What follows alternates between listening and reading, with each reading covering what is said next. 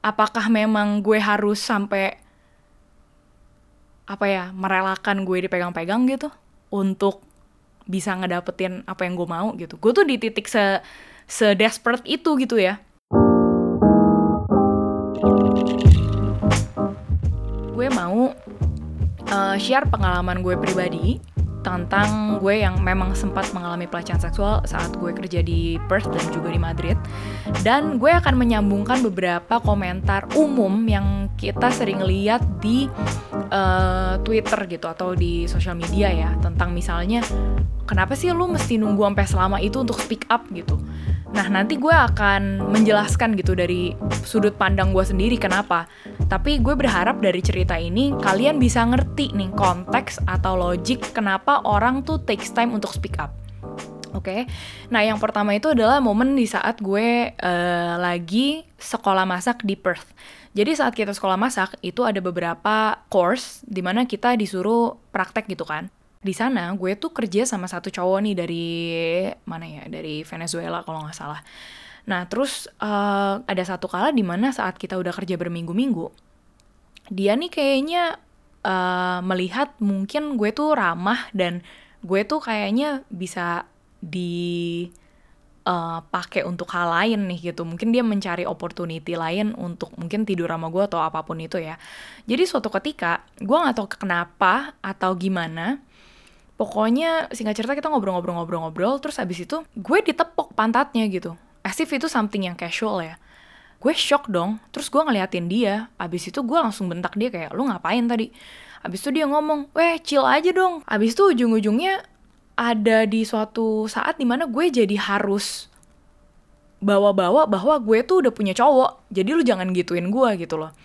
Terus dia malah ngomong kayak oh ya lu udah punya cowok. Terus kenapa kalau udah punya cowok? Emangnya gue nggak boleh godain lu atau gue nggak boleh kayak touch lu kayak gitu-gitu deh. Terus gue jadi kayak gila man this kayak this conversation is so stupid gitu menurut gue. Akhirnya gue nggak lanjutin. Dan di saat itu gue uh, itu kejadian 2012 ya. Dan di saat itu gue nggak gitu bisa ngomong apa-apa sih. Soalnya ya gue masih shock aja gitu. Jadi gue pikir udahlah angin lalu bodo amat deh gitu. Gue gua nggak mau pikirin apakah ini salah gue atau apa pun itu. Jadi gue nggak overthinking. Nah akhirnya kejadian lagi nih yang cukup besar di tahun 2017 jadi intinya ini momen gue udah kerja jadi guru nari di Madrid gitu ya. Nah kejadiannya itu sebenarnya enggak yang apa ya gue juga bingung sih ini antara apa ya kontak fisik antar culture yang berbeda apa gimana nih gitu ya. Cuma lu deh yang ngejudge.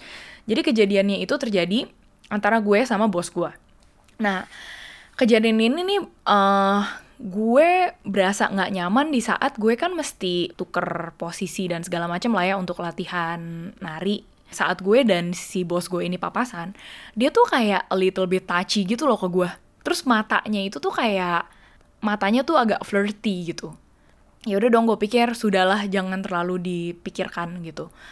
Karena memang di Spanyol tuh kalau misalnya lu baru ketemu orang kenalan tuh langsung hugging dan juga cipika-cipiki gitu. Jadi emang umum lah untuk uh, berkontak fisik seperti itu. Cuma lama-lama gue berasa jadi agak gak nyaman karena itu terjadi beberapa kali gitu kan. Nah yang kedua kalinya nih yang bikin gue langsung kayak uh, oke okay, what the fuck is this? gitu ya. Jadi saat gue uh, lunch bareng dia dan rame-rame yang lainnya tim yang lain. Terus um, gue mesti balik lagi ke studio sama dia dan uh, dua temen yang lain gitu. Karena gue ninggalin tas gue di studio itu. Uh, abis udah ambil tas gue kan ya udah uh, say bye gitu kan ke teman-teman gue kan. Termasuk ke bos gue ini nih. Terus uh, ya sudahlah kita hugging dan juga cipika-cipiki gitu terus pas cipika-cipiki kan posisinya kan masih hugging gitu kan kayak oke okay, bye bye gitu adios. Terus uh, pas gue lagi mau lepas pelokan gue dari dia dia tiba-tiba ngomong deket banget nih ke gue. Terus ngomong eh lu tuh sama Albert emangnya beneran udah nikah ya? Terus gue kayak yes of course. Gue kayak gue udah married. Gue bilang ini cincin gue. Gue bilang ini cincin nikah gue terus dia kayak mukanya yang kayak oh what a pity gitu gue udah nikah. Terus dia bilang oh, oke. Okay. ya sayang ya lu udah nikah. Gitu doang. Dan gue kayak left out with so many interpretation dong. Dan gue tuh ngerasa di momen itu tuh langsung kayak nggak nyaman. Karena gue mikir kalau misalnya gue bilang gue belum nikah sama Albert terus lo mau ngapain gitu mau ngewein gue kayak gue bingung kan kayak what's going on. Nah di posisi itu gue tuh takut sebenarnya. Di saat itu ya gue cuma bisa cerita sama temen bayi gue yang juga pernah ngalamin uh, pelecehan seksual sama salah satu koleganya gitu. Dan gue bilang gitu sama dia kayak gue tahu ya this sound so stupid gitu. Tapi gue tuh kayak sampai di titik di mana gue mikir gue tuh baru gue tuh baru tinggal di tempat ini gitu loh. Dan gue mesti punya komunitas dan gue mesti diterima di satu tempat gitu. Dan gue mesti build nama gue apakah memang gue harus sampai apa ya merelakan gue dipegang-pegang gitu? Untuk bisa ngedapetin apa yang gue mau gitu. Gue tuh di titik se se desperate itu gitu ya. Uh, dan untungnya temen gue itu nggak ngejudge gue sih. Kayak temen gue bilang ya gue ngerti sih maksudnya kenapa lu bisa sampai mikir gitu. Tapi dia bilang yang pasti uh, saran gue adalah lu coba deh catet uh, di jurnal lu kayak tanggal berapa uh, kejadiannya tuh di waktu apa dan apa yang lu rasakan apa yang lu alami jadi jika suatu ketika lu mau ngelapor lu tuh ada reference catatan lu sendiri gitu loh Nah, saat tahun 2016 sampai 2017 itu, komunitas swing secara global memang lagi heboh banget sama isu pelecehan seksual. Karena salah satu international teacher uh, yang cukup ternama di komunitas itu tuh sempet diperkosa sama salah satu mentor awal-awal dia lah gitu. Dan mentor itu ya memang guru besar kayak salah satu pioneer di swing dancing. Dan terpecahlah dua kubu seperti biasa gitu ya seperti isu Gofar Hilman juga. Uh, dia waktu itu cerita di Vice Sports kejadiannya itu uh, terjadi saat dia berumur 14 atau 15 tahun. Dan sekarang tuh dia umurnya udah 36 dan waktu dia speak up itu dia umur 32. Jadi lu bayangin kayak 15 tahun lebih dia tuh baru bisa speak up dan uh, di saat itu tuh gue baru sadar gitu kayak iya ya kenapa itu takes time ya untuk orang yang menjadi korban gitu termasuk gue karena tiba-tiba gue langsung recall momen gue dilecehkan pas tahun 2012 kan sama teman sekolah gue. Gue pun itu di saat itu nggak pernah cerita ke siapa pun sampai itu trigger gue untuk akhirnya cerita ke Albert gitu. Gue akhirnya cerita ke Albert pas 2017 bahwa gue tuh pernah dipegang pantatnya kayak di slap gitu sama teman kerja sama teman sekolah gue gitu. Dan soal yang si bos gue itu gue nggak berani cerita tuh sama si Albert saat itu. Karena gue masih galau ya gitu akhirnya setelah ya komunitas swing dancing 2016 sampai 2017 tuh heboh itu tuh baru tuh gue kayak mulai berani reach out ke salah satu teacher uh, si teacher ini orang Kanada, terus uh, dia salah satu yang speak up banget sama isu pelecehan seksual ini. Karena dia pernah kena sama pacarnya yang adalah partner ngajar dia juga selama belasan tahun. Nah, dia bilang waktu itu sempat di Facebooknya bahwa kalau misalnya lu merasa tidak nyaman in regards to this issue, please reach out ke gua please email gue karena gue akan respon dan mendengarkan lu gitu. Nah di saat itu gue deg-degan setengah mati ya untuk kirim email ke dia karena gue nggak mau nih maksudnya uh, bikin nama besar orang juga coreng gitu loh.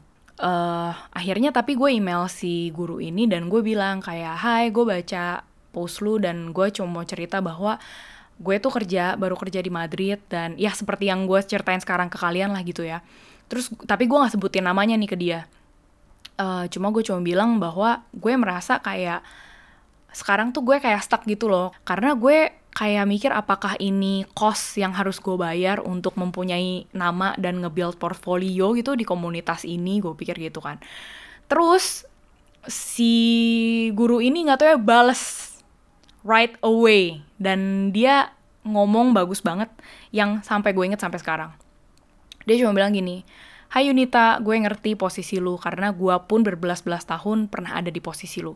Tapi di posisi gue yang sekarang uh, a wiser me dan juga titik di mana gue udah tahu apa yang bis apa yang worth it untuk gue fighting for gue cuma mau kasih tau lu. One day uh, semua reputasi nari ini semua kegiatan nari ini nggak akan matter kalau lu kehilangan dignity lu dan lu kehilangan yourself gitu. If you lost yourself. Intinya sih kayak gitu dan gue kayak dari situ jadi ngerti sih kenapa it takes time untuk speak up gitu karena saat itu terjadi, sayangnya tuh society kita selalu menempatkan bahwa wanita yang mengundang biasanya.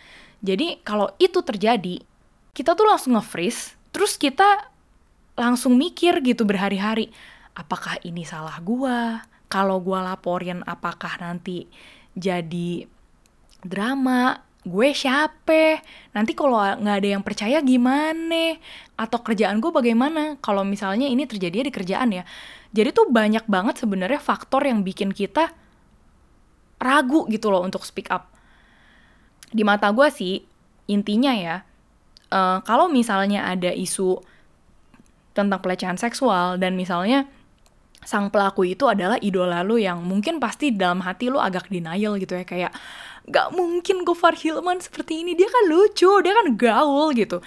Ya nggak apa-apa kalau lu merasa kecewa atau lu merasa kayak masa sih? gitu. Nah tapi yang paling punya impact itu adalah coba deh pikirin gini aja.